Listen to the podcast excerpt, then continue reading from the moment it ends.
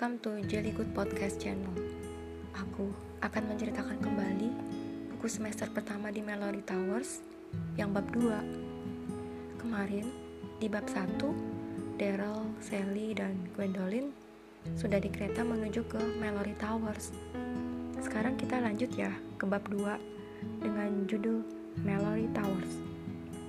Perjalanan ke Mallory Towers cukup lama Rangkaian kereta api tersebut mempunyai satu gerbong khusus tempat makan. Murid-murid bergantian makan siang di gerbong tersebut. Bahkan saat minum teh, mereka lewatkan dalam perjalanan itu. Pada awal perjalanan, semua memang riang, ramai, bercanda. Lama-kelamaan, beberapa dari mereka sudah tertidur. Sungguh perjalanan yang terlalu panjang. Akhirnya, mereka sampai juga di stasiun tujuan Beberapa bus besar telah menunggu di depan stasiun untuk mengantar anak-anak ke Mallory Towers yang jaraknya sekitar 3 km dari stasiun kereta api tersebut. Ayo cepat, kata Alicia sambil mencengkram tangan Daryl. Kalau kita cepat, kita mungkin bisa dapat tempat duduk di depan, dekat sopir. Ayolah, mana tasmu? Aku ikut, suruh Gwendolyn. Tetapi, Gwendolyn masih sibuk mengumpulkan semua barang-barangnya ketika anak-anak berlarian menuju bus. Alicia dan Daryl berhasil mendapat tempat duduk yang di depan. Stasiun kereta yang kecil itu hanya memiliki seorang kuli yang sibuk memindahkan koper-koper besar dari kereta api ke bus. Apakah Mallory Towers terlihat dari sini? Tanya Daryl sambil melihat-lihat sekeliling. Tidak, nanti terlihat ketika jalan ini menikung, maka kita bisa melihat Mallory Towers di hadapan kita, kata Alicia. Ya, begitu indah, munculnya tiba-tiba. Pamela ikut berbicara. Gadis pendiam yang menjadi kepala murid asrama Menara Utara itu ternyata duduk di belakang Alicia dan Daryl.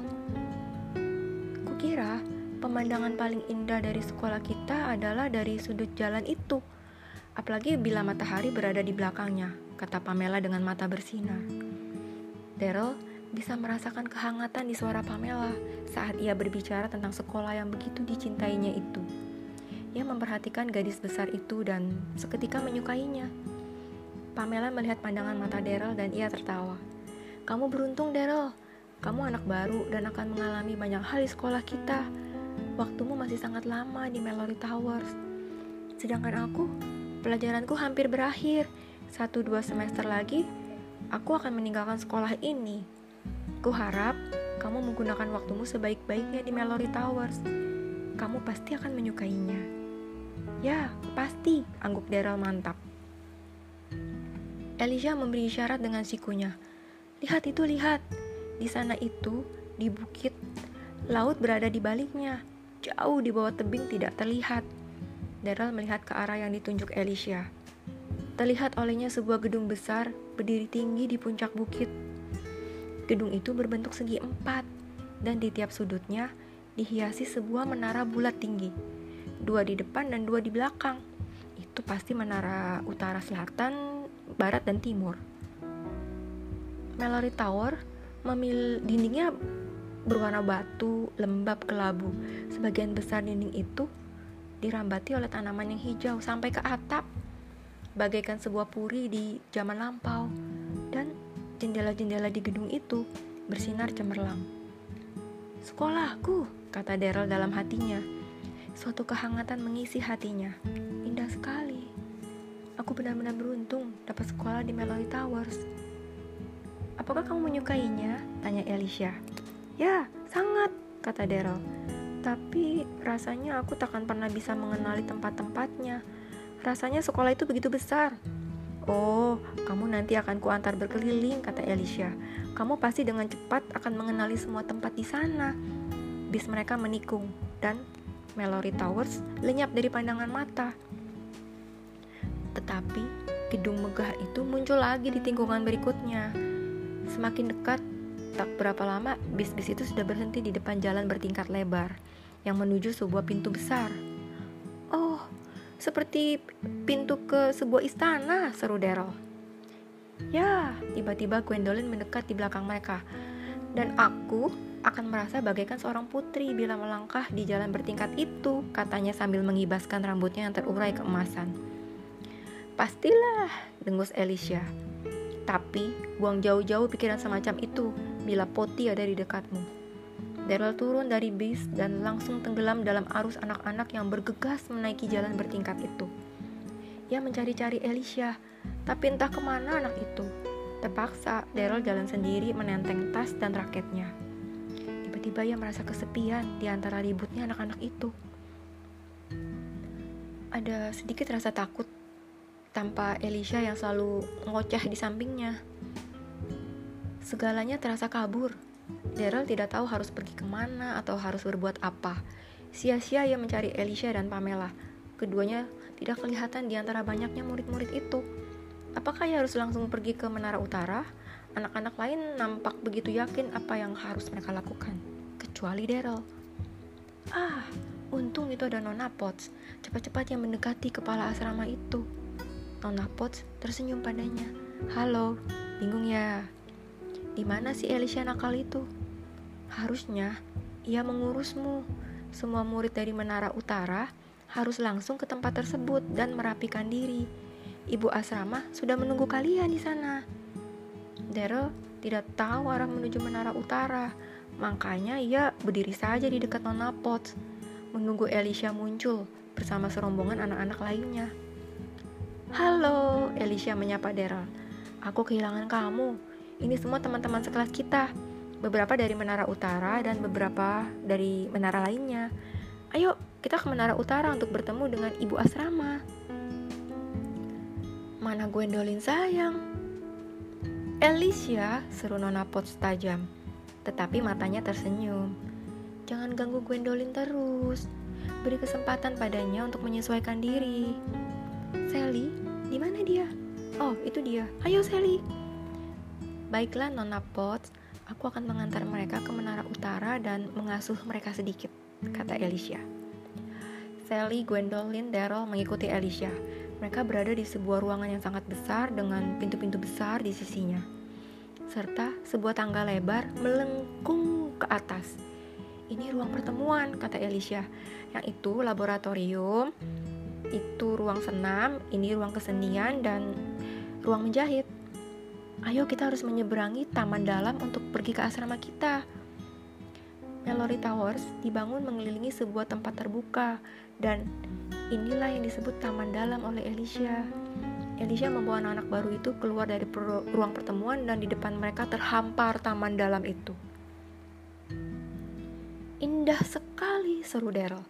Ada sebuah tempat dengan rumput hijau berbentuk lingkaran, terbenam agak dalam dari permukaan tanah di sisi lingkaran yang cukup besar itu terdapat undakan-undakan batu melingkar juga dan tampaknya itu tempat duduk dan banyak bunga mawar di sekeliling taman itu. Itu tempat kita bermain drama di musim panas, kata Elisha. Sangat menyenangkan. Di musim panas, hawanya sangat panas, kata Elisha. Lihat bunga-bunga tulip sudah keluar, padahal ini baru bulan April loh. Di sudut, eh, di sudut setiap rangkaian bangunan yang membentuk segi empat itu, terdapat sebuah menara. Elisha menunjukkan menara utara. Sebab keempat menara tadi serupa satu dengan yang lainnya. Daryl memperhatikan menara itu. Tingginya empat tingkat, Elisha berhenti sebentar di depan menara utara untuk memberi penjelasan. Di lantai bawah, ada ruang makan dan ruang rekreasi serta dapur.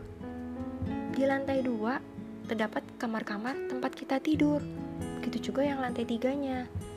Di lantai 4, kamar tidur untuk karyawan, serta gudang tempat barang-barang kita. Alangkah senangnya kalau tempat tidurku di puncak menara ini. Pasti pemandangannya sangat indah. Daryl berhayal. Sebentar lagi makan malam terhidang dan aromanya, hmm, sungguh sedap. Pada awal semester, biasanya masakan yang dihidangkan memang luar biasa, kata Elisha. Setelah itu, biasa aja, coklat, biskuit, ya dan sebangsanya. Ayo, mari kita temui ibu asrama. Setiap menara mempunyai ibu asramanya sendiri yang bertanggung jawab atas anak-anak yang ada di asramanya itu. ibu asrama Menara Utara, ternyata seorang wanita yang agak gemuk tapi tampak gesit, berpakaian sangat rapi dan bersih.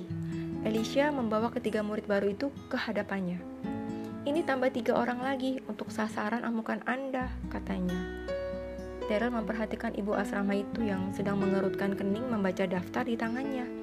Rambutnya rapi, tersisir, dan tersembunyi di topi kain yang indah dan terikat rapi di bawah dagu. Segalanya pada dirinya begitu bersih, sehingga Daryl merasa dirinya sendiri sangat kotor.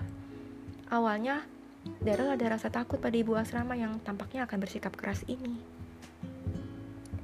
Tetapi, ketika wanita ini mengangkat muka dan tersenyum lebar padanya, semua rasa takut Daryl lenyap. Senyumnya begitu ceria dan sepenuh hati seolah-olah mata, mulut, dan hidungnya ikut tersenyum. Tunggu, kau pasti Darla Rivers, kata ibu asrama sambil mencoret sebuah nama di daftarnya. Kau bawa surat dokter? Berikan padaku. Dan kau pasti Sally Hope. Bukan, aku Gwendolyn, Mary Lacey. Gwendolyn, Mary Lacey, kata Gwendolyn. Jangan lupa Mary-nya, tambah Alicia. Gwendolyn, Mary tersayang. Cukup Alicia, tegas ibu asrama sambil mencoret nama Gwendolyn. Kamu nakal sekali, seperti ibumu dulu. Tapi aku rasa kamu jauh lebih nakal.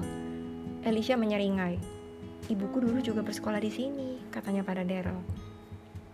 Dan beliau juga tinggal di Menara Utara ini. Dan selama bertahun-tahun, beliau berada di bawah pengawasan ibu asrama kita ini.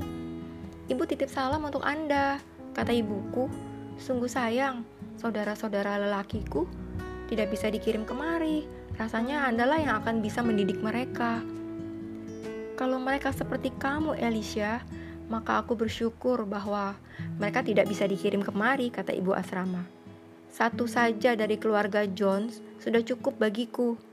Ibu mula yang membuat rambutku jadi cepat memutih. Dan kamu, Alicia, agaknya kamu mau membuat rambutku jadi putih semua ya? Ia tersenyum lagi. Wajahnya sabar dan bijaksana. Setiap anak yang merasa sakit pasti akan tenang dalam rawatan ibu asrama ini. Tapi hati-hati bagi mereka yang malas dan suka pura-pura sakit atau tidak berhati-hati dalam bekerja. Senyum ramah itu akan lenyap dan wajah itu akan berubah menakutkan. Suara gong menggema di menara utara itu. Makan malam, kata ibu asrama. Biarlah kalian membereskan barang-barang nanti saja. Pasti kalian lelah. Semua anak kelas 1 langsung pergi tidur segera setelah selesai makan malam. Ah ibu, keluh Alicia. Masa kami nggak diberi waktu untuk bercakap-cakap? 10 menit aja. Aku katakan tadi langsung pergi tidur Alicia, kata ibu asrama. Ayo pergilah, cuci tangan kalian cepat-cepat dan segera turun ke ruang makan. Ayo cepat-cepat. Lima menit kemudian, Alicia dan kawan-kawannya sudah duduk di ruang makan, menikmati makan malam yang lezat. Mereka merasa sangat lapar, jadi makan malam ini terasa enak banget. Dylan melihat sekeliling, begitu banyak anggota asramanya. Mana mungkin ia mengenal mereka semua, dan rasanya nggak mungkin ia punya keberanian untuk ikut serta bercanda dan tertawa dengan mereka. Tetapi hal itu tentu saja tidak benar. Ia akan segera menjadi bagian dari semua ini. Nah, bab 2 sampai di sini. Sampai ketemu lagi di bab 3 dengan judul Malam dan Pagi Pertama di Mallory Towers. Nanti kita akan diceritakan bagaimana suasana kamar tidur mereka dan pemandangan dari kamar tidur Menara Utara. Pokoknya makin seru dan makin asik di bab tiganya. See you guys. thank you